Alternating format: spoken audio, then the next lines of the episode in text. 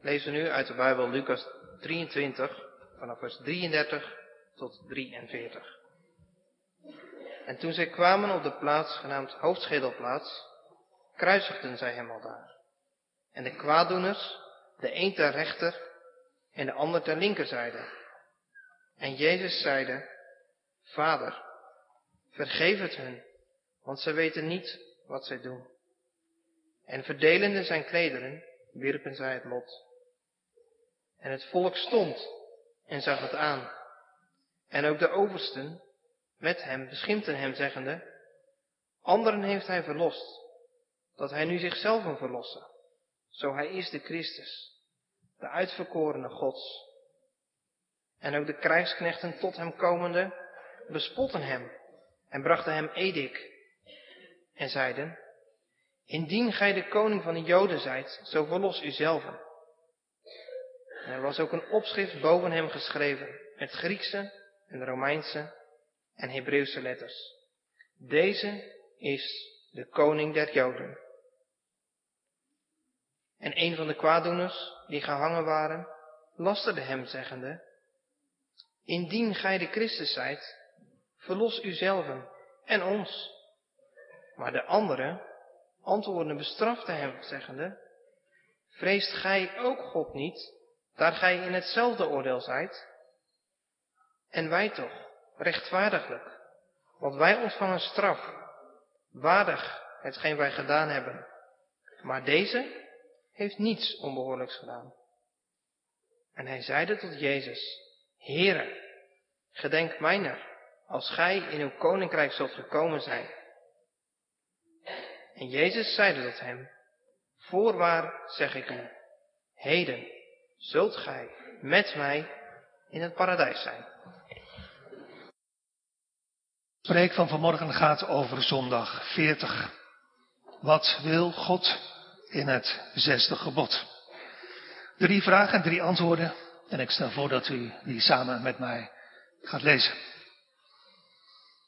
Vraag 105. Wat eist God in het zesde gebod?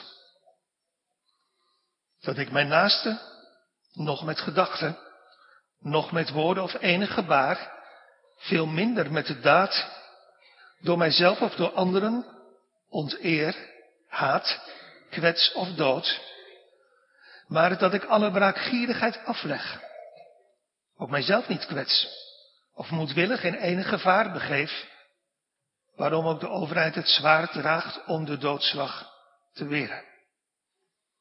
Dat gaat over wat de Heer zegt dat we niet mogen doen. Vraag 106. Maar dit gebod schijnt alleen van het doodslaan te spreken.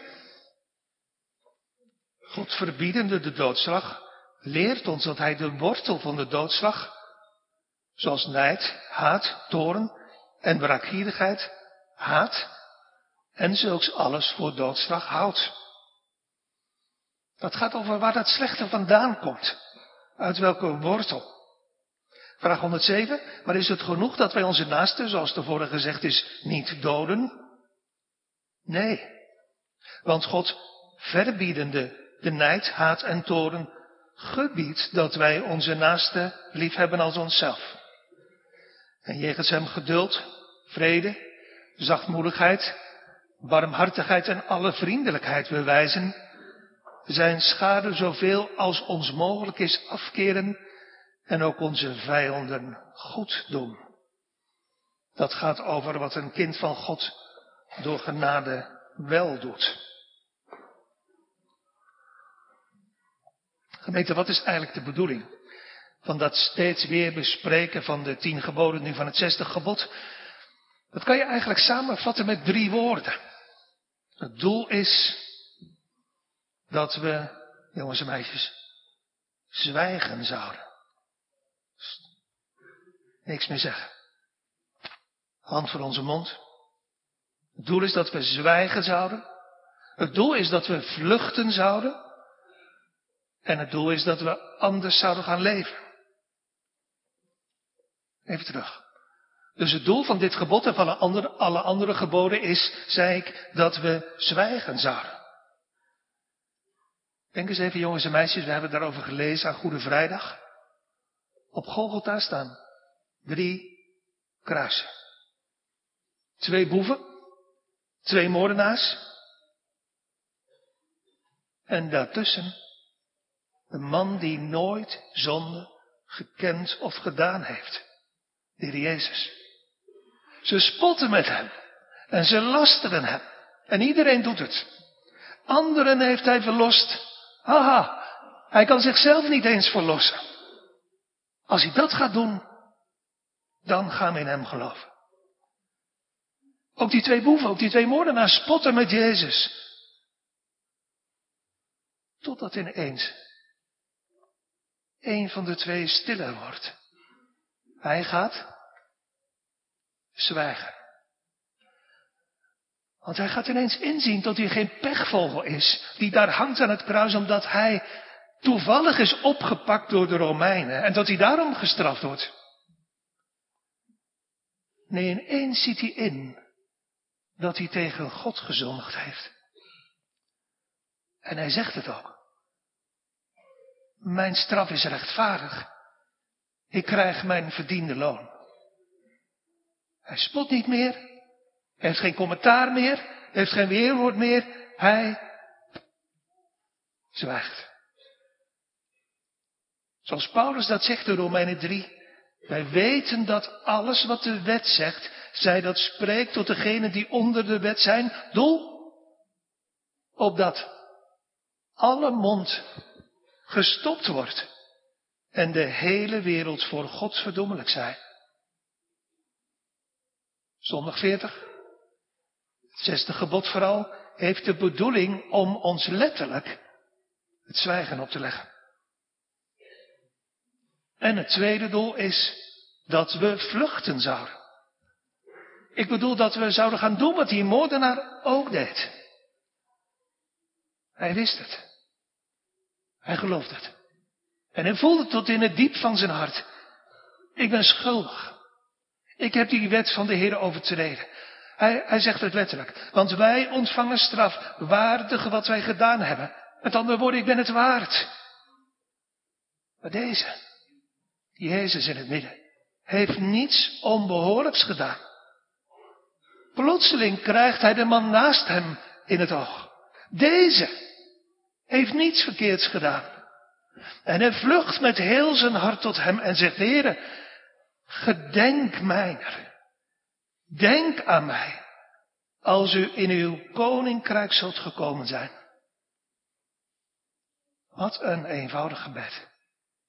Zo bidden jongens en meisjes. Heere, denk aan mij. Er zijn mensen, ongetwijfeld ook hier bij ons, die net als deze man plotseling hun zonde voor ogen gaan zien. Ontwaakt, wakker geschud uit hun dodelijke rust. Maar voor sommigen blijft het daarbij. Ze wachten af.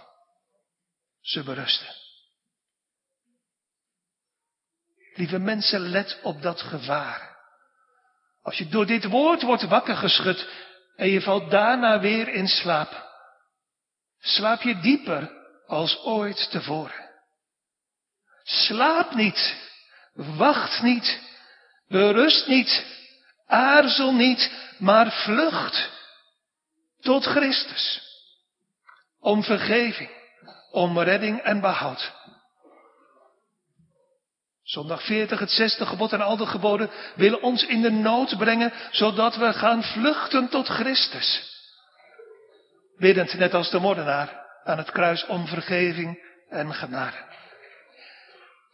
En het derde doel, zwijgen, vluchten. Het derde doel is dat we anders zouden gaan leven. Ja, want als de Heer ons dan vergeving van zonde geeft, dan is het natuurlijk, dat weet u, dat snap jij ook, niet de bedoeling dat je doorgaat en doorleeft in de zonde. Paulus vraagt in Romeinen 6, wat zullen we dan zeggen? Zullen we in de zonde blijven, opdat de genade meer zou worden? Met andere woorden, gewoon doorgaan met mijn oude zonde, dan krijg ik vanzelf meer genade. Nee, dat kan niet. Het doel van Gods genade is dat we in nieuwheid van leven zouden wandelen. Dat we echt anders gaan leven. In een nieuw leven. Door iedere dag biddend kracht en genade van de Heer te vragen en te krijgen. Want zonder dat, zonder dat gebed om kracht en genade, vallen we onherroepelijk weer in de zon. Zondag 52 zegt dat verderop. Wij zijn van onszelf zo zwak dat we niet één ogenblik, één seconde staande kunnen blijven. De Heer Jezus zegt in Johannes 15, ik ben de wijnstok en u de ranken, die in mij blijft en ik in hem, die draagt veel vrucht, want zonder mij, zonder Christus, kunt u niets doen. Dat is de reden dat we vaak zingen. Gun, geef, door dat geloof in Christus. Wat? Krachten. Want ik heb zelf geen kracht om die, die geboden te doen uit dankbaarheid. Zo kijken we vanmorgen gemeente met Gods hulp ook naar dit zesde gebod. Thema is, wat wil God in het zesde gebod? Drie dingen. Ik heb ze toen straks al even genoemd. In de eerste plaats wat de Heer zegt dat we niet mogen doen. Zonde van het doden van een mens. In de tweede plaats waar dat slechte, die neiging om te doden, vandaan komt, de wortel van het kwaad in ons hart. En in de derde plaats wat we door genade wel moeten doen, de eis van de liefde en de liefdewens van het nieuwgeboren hart. Als eerste dus wat de Heer zegt dat we niet mogen doen. Catechisme zegt, ik mag mezelf of iemand anders niet onteren, eer afnemen, niet haten, niet kwetsen, pijn doen of doden. Niet onteren. Niet de eer afpakken. Welke eer dan? Nou, die eer die God aan ons mensen gegeven heeft, door ons te scheppen naar zijn beeld. Die eer dat we leven en adem van hem gekregen hebben. Jongens en meisjes, toen de Heer Adam schiep, toen blies hij in zijn neus. En toen ging Adam door die adem van de Heer ook ademen. Leven. De mens is niet zomaar een ding, de mens is iemand die door God geschapen is en leven en levensadem van God gekregen heeft. Dus je mag niemand, zo staat het hier, onteren.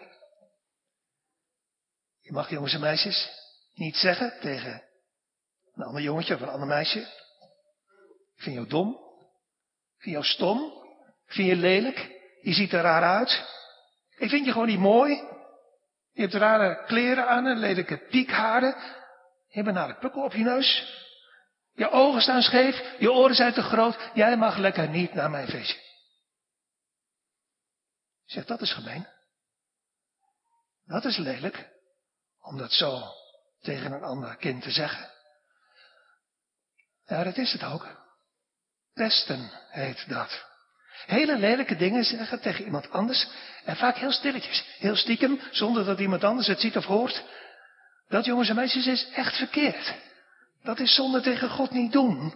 Want je zegt lelijke dingen over een jongen of over een meisje die, en daar gaat het nu om, die door God gemaakt is. Die door God geschapen is. Pesten is zonde. Tegen iemand anders, tegen je medemens en tegen God. Maar het gebeurt.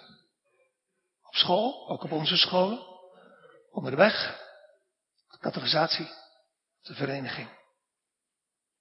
Niet doen, jongens en meisjes. Niet doen, volwassenen. U onteert het beeld van God. En als je gepest wordt, jongens en meisjes, en ik Ik weet hoe lastig dat is en hoe moeilijk dat voelt. Vertel het alsjeblieft eerlijk, thuis, op school, op de categorisatie, de vereniging, tegen mij, tegen de ouderlingen en de diakenen, zodat we je kunnen helpen. Niet onteren, niet pesten.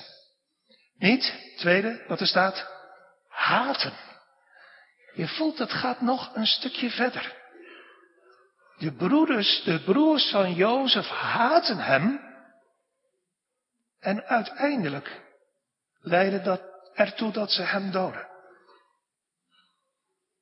Misschien heb jij, misschien hebt u ook wel een verschrikkelijke hekel aan iemand. Je haat zo iemand. Dat is zonde tegen God. Niet onteren, niet haten en niet kwetsen. Niet verwonden.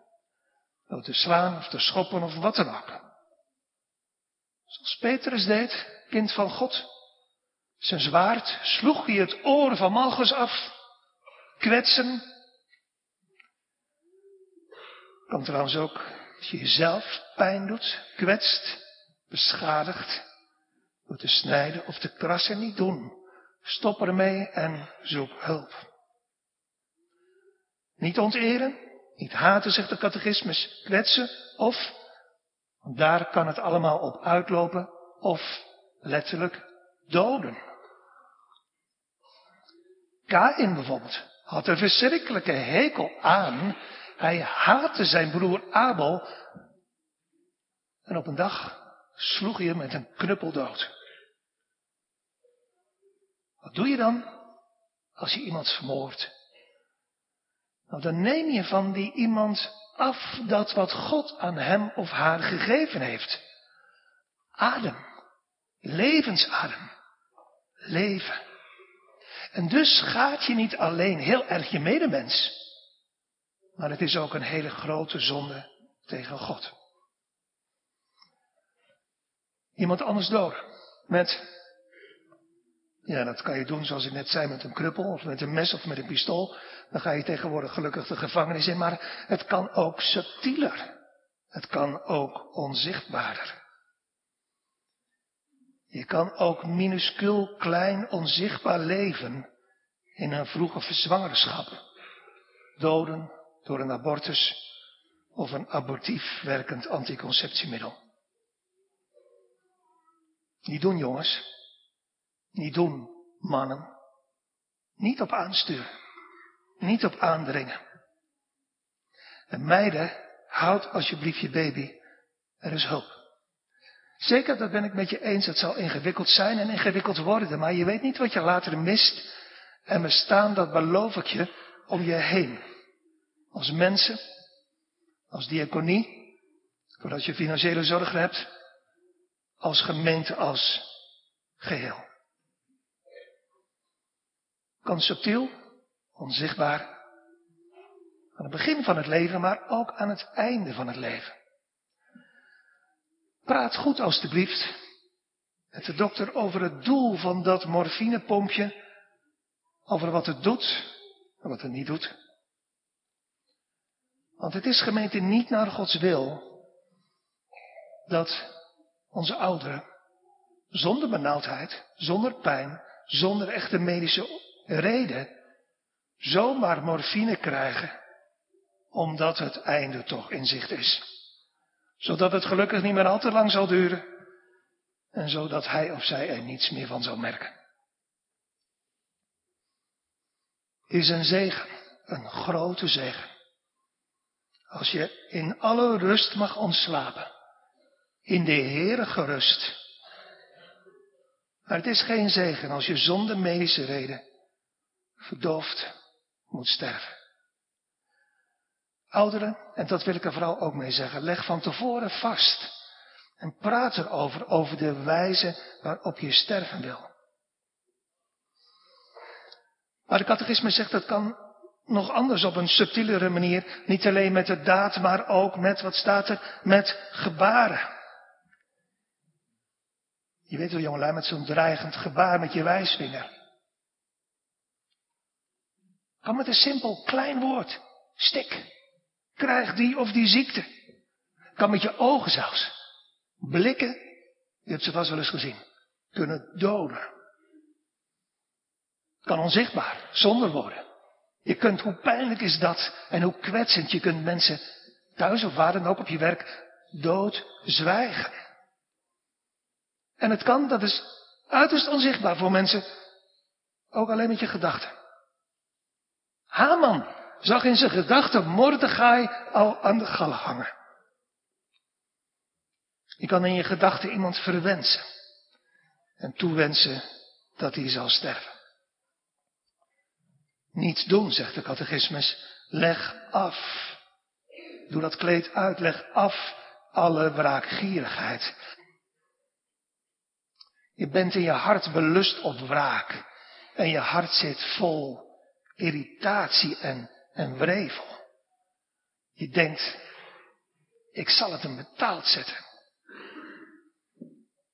Maar zo worden je huwelijksproblemen nooit opgelost. En zo blijft die familieruzie jaar in jaar uit bestaan. Luister naar wat Paulus zegt in Colossense 3. Maar nu legt ook gij dit alles af. Namelijk gramschap, torenigheid, kwaadheid, lastering, vuil spreken uit uw mond.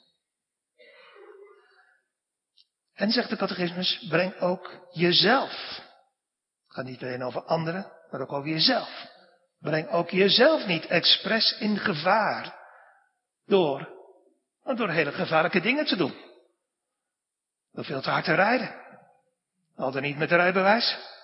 Of door te rijden in je auto terwijl je gedronken hebt.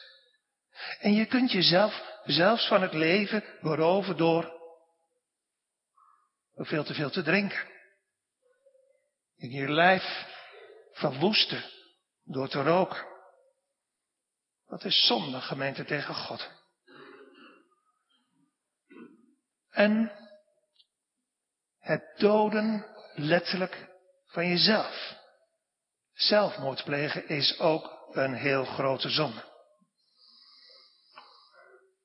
Toch kunnen er omstandigheden zijn, dat weet u in het leven, die mensen daartoe brengen of gebracht hebben. En dan doe ik niet op die mensen die heel bewust zelf gekozen, met vol bewustzijn zelf willen beslissen en een einde aan hun leven maken als ultieme daad van verzet tegen God. Maar er zijn ook mensen die in hun hart zo worstelen. Met eenzaamheid, met angst, met somberheid. Zodanig dat ze in het leven geen uitzicht meer zien en geen weg meer weten soms overrompeld door een psychische kwaal, door vlagen van verwardheid van denken, waarin gedachten aan zelfdoding omhoog komen, die mensen soms tot een impulsieve daad van zelfdoding kunnen brengen. Het oordeel over de zelfmoordenaar komt ons gemeente niet toe. Dat God, zoals soms wel gezegd wordt, al zijn kinderen daarvoor zou bewaren, lees je nergens in deze hele Bijbel. Je leest, zou ik bijna zeggen, het tegendeel. Voorbeelden te over van kinderen van God die in ernstige zonde vallen, ook aan het einde van hun leven. Dat zelfdoding een heel erge zonde is, dat staat vast. Maar de Bijbel zegt ook, oordeelt niet, dat u zelf niet geoordeeld wordt. Met andere woorden, vel geen eindoordeel over iemand anders. De voorbeelden van zelfdoding die in de Bijbel staan, het zijn er totaal zes, zijn wel allemaal voorbeelden van mensen die geleefd hebben in de zonde.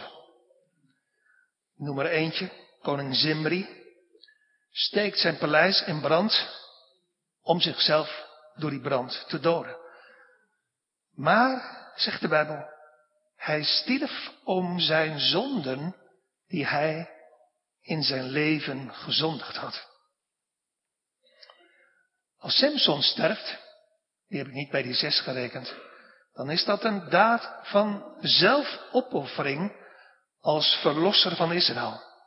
Geen daad van bewuste zelfdoding. Laat ik dit vooral zeggen tegen u die daar misschien, of jou, die daar misschien soms of vaker, misschien wel nu mee worstelt. Je zegt het met een Bijbelwoord. Maar Paulus zei tegen de stokbewaarder, alsjeblieft, doe jezelf geen kwaad. En houd in gedachten het woord van de Heer Jezus. Wie tot mij komt, welke ellende je ook meeneemt, die tot mij komt, zal ik geen zins uitwerpen. Vlucht, dat is het eerste woord weer, van die eerste drie dingen. Vlucht met je wanhopige gedachten naar de Heer toe. En zeg, Heere, denk aan mij. En zoek hulp. U zegt nou, ik probeer goed te luisteren. Maar gelukkig, tot nog toe valt het. Als ik zo luister naar de echte inhoud van het zesde gebod wel, wel echt mee. Net met mij. Zoiets hebben u en ik vaker gehoord. O God, ik dank u hartelijk. Dat ik niet ben zoals al die andere mensen. Moordenaars, rovers, onrechtvaardige overspelers of, ja, zoals die tollenaren. Voordat u nou meer gaat denken en voordat u nou meer gaat zeggen. Volg nou alsjeblieft het voorbeeld van die moordenaar aan het kruis. Zwijgen. Kijk nou eens eerlijk in je hart.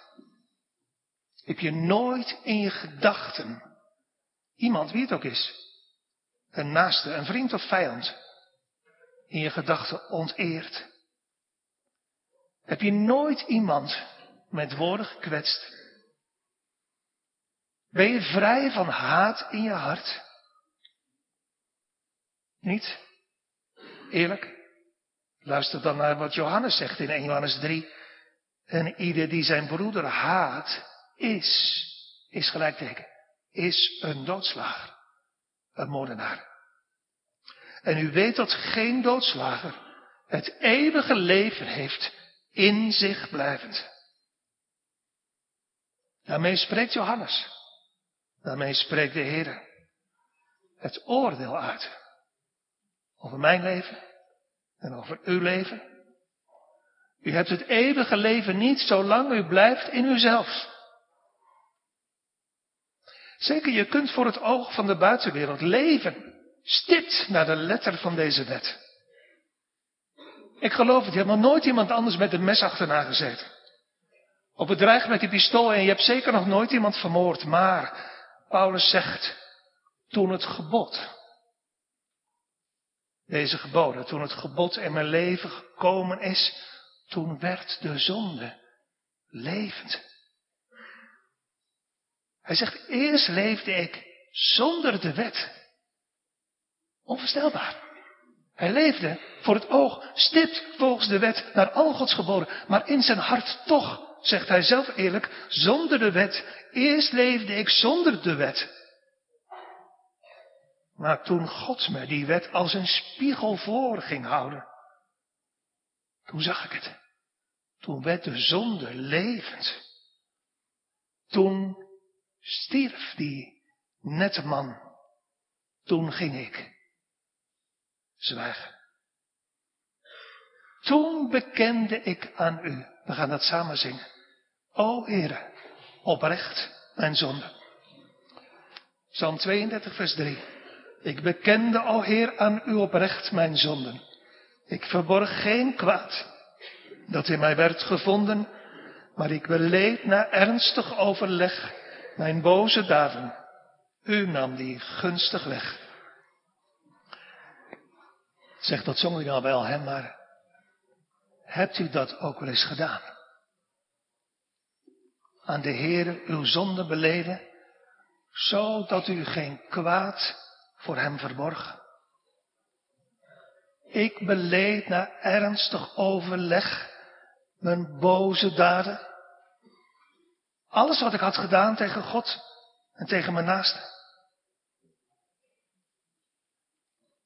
Maar, zegt David in een andere psalm, in psalm 51, er bleek tot mijn schrik nog veel meer aan de hand te zijn.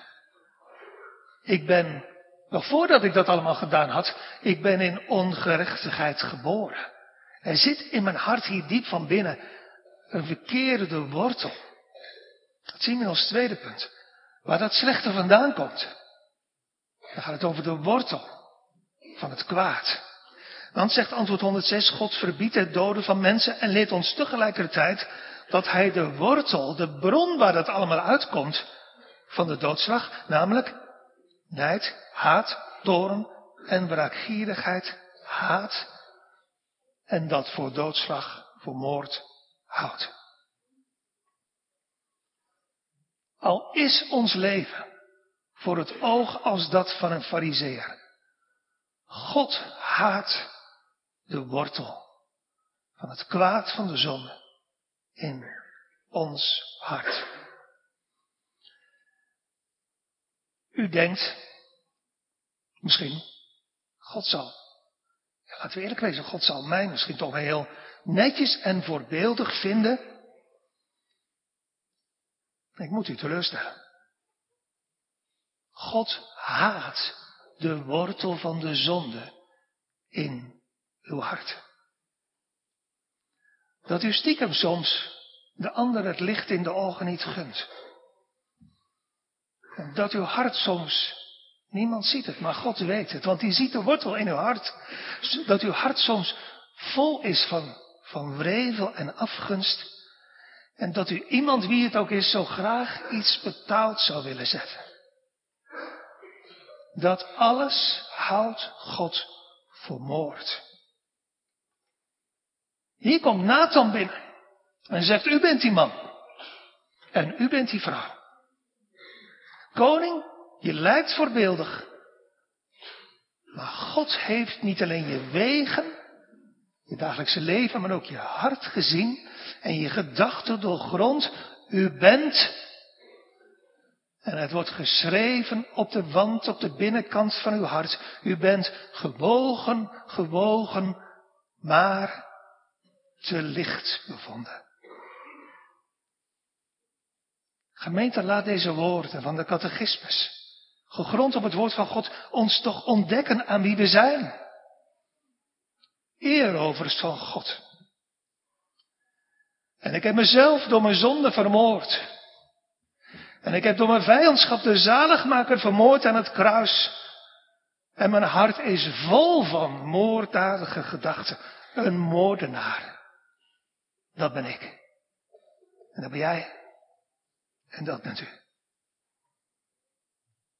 Opdat we zwijgen zouden. En zouden zeggen op onze knieën voor God, Heer, het is rechtvaardig, ik heb uw straf verdiend. En opdat u net als de moordenaar aan het kruis in de nood van uw leven van u af zou zien en zou vluchten tot Christus en zou zeggen, Heer, denk toch aan mij. Wees mij moordenaar toch genadig. Dit gebod, gemeente, wil ons een bepaalde kant opdringen, wil ons onze zonde laten zien. En wil ons als een tuchtmeester, als een pedagoog pijnlijk laten zien en voelen dat we zondaar zijn. Die het van onszelf nooit meer goed kunnen maken. Om ons, dat is het doel, bij Christus te brengen. Bij Christus. Aan de middelste van die drie kruisen. Hij kende geen zondige, haat, nijd, toren of wraakzucht. Hij stierf niet om zijn eigen zonde. Hij werd door ons vermoord.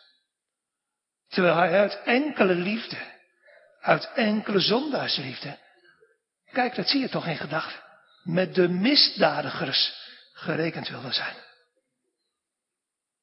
Het was niet voor niets. Het was geen toeval dat hij stierf tussen twee moordenaars. Dat was niet toevallig, dat was Gods plan. Dat was zijn eigen keus. Want voor dat soort van mensen kwam hij.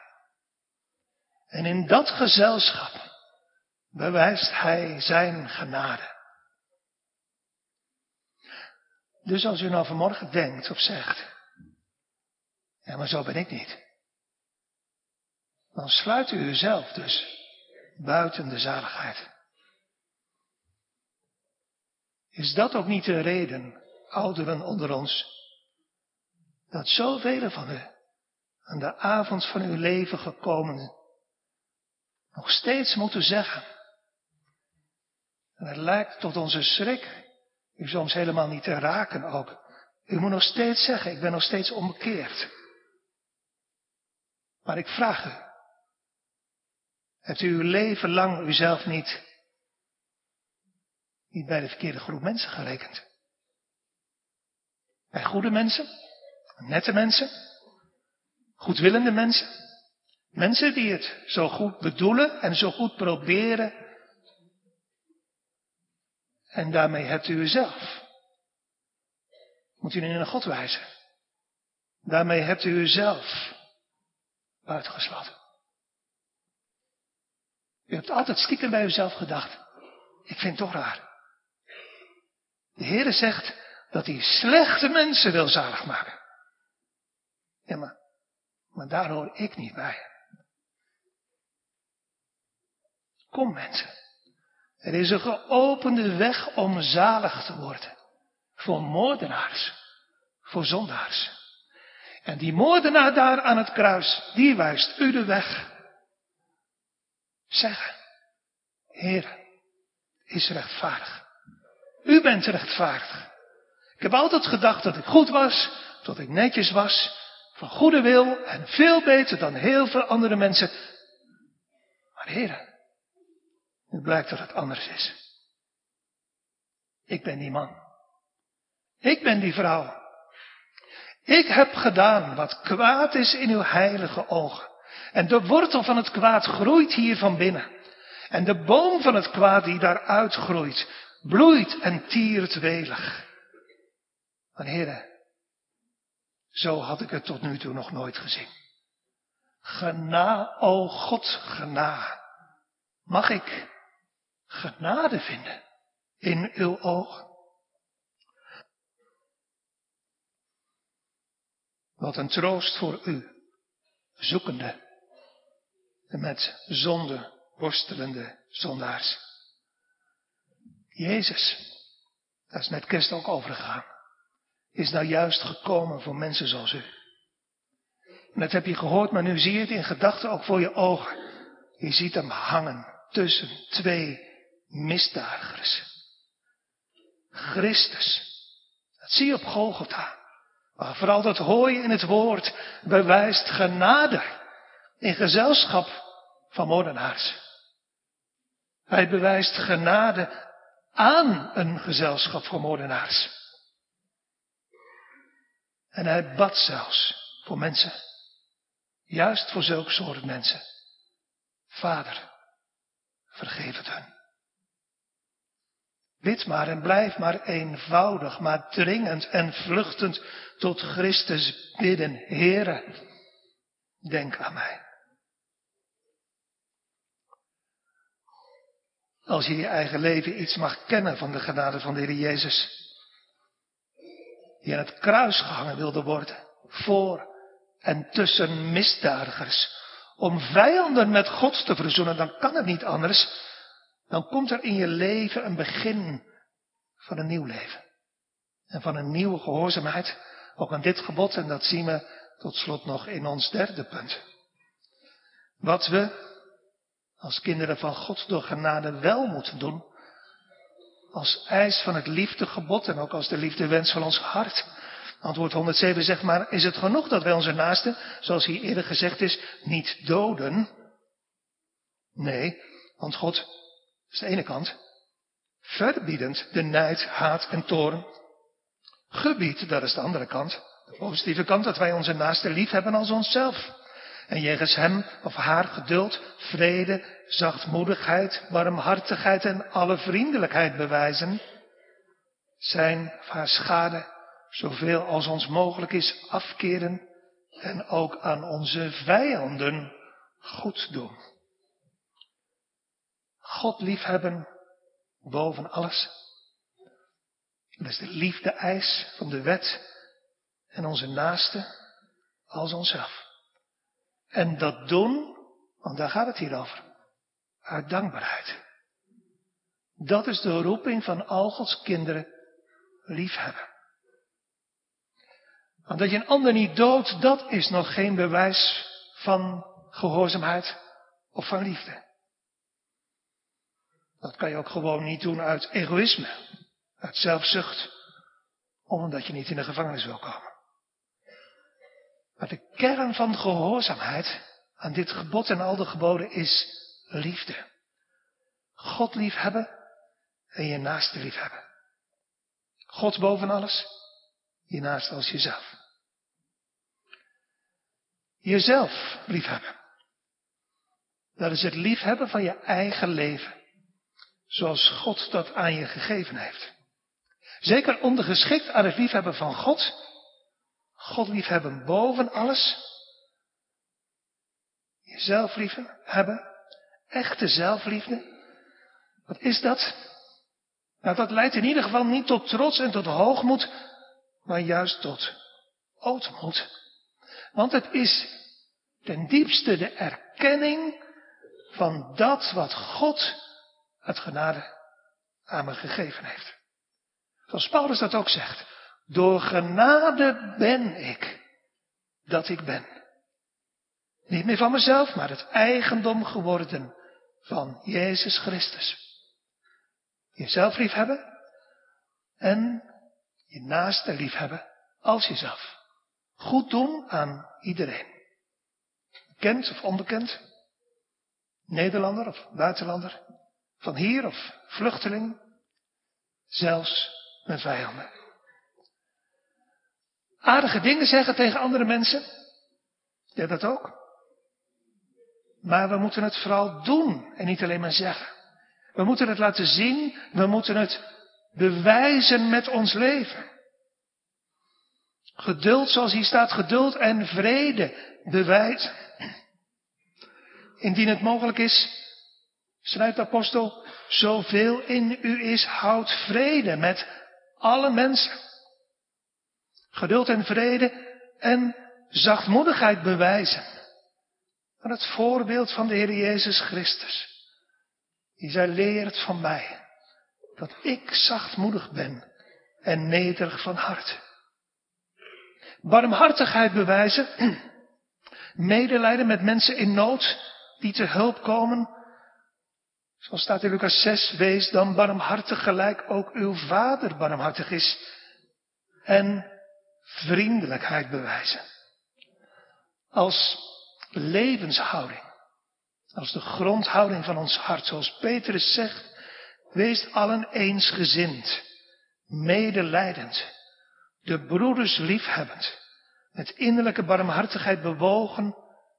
Vriendelijk. Vergeld geen kwaad voor kwaad of schelden voor schelden, maar zegen daarentegen, wetende dat u daartoe geroepen bent, opdat u genadeloon zegening zou beërven. Daar zijn de kinderen van God in ons midden toe geroepen. Dan kan je dat in eigen kracht. Nee, we kunnen alleen volmaaktheid putten, vragen, krijgen uit de volmaakte Christus. Aan het beeld van Christus gelijkvormig worden is geen eigen prestatie. Dat is genade. En tegelijkertijd opdracht. En dus dringt dat ons tot het blijvende gebed. O zoon, maak ons toch uw beeld gelijk. Eertijds, kinderen van God. Geliefde medebroeders en zusters, waren wij, schrijft Paulus aan Titus, onwijs, ongehoorzaam, dwalend, menigerlei begeerlijkheden en wellusten dienend, in boosheid en nijdigheid levend, hatelijk zijn en elkaar hatend. Maar toen toen de goede tierenheid van God onze zaligmaker en zijn liefde tot de mensen verschenen is, heeft hij ons zalig gemaakt. Niet uit de werken der rechtvaardigheid die wij gedaan hadden, maar naar zijn barmhartigheid. Door het bad der wedergeboorte en vernieuwing des heiligen geestes, die, zegt Paulus, God rijkelijk over ons heeft uitgegoten door Jezus Christus, onze zaligmaker. Dus alleen door de vernieuwende genade van de Heilige Geest leren we gaan in het spoor van dit gebod.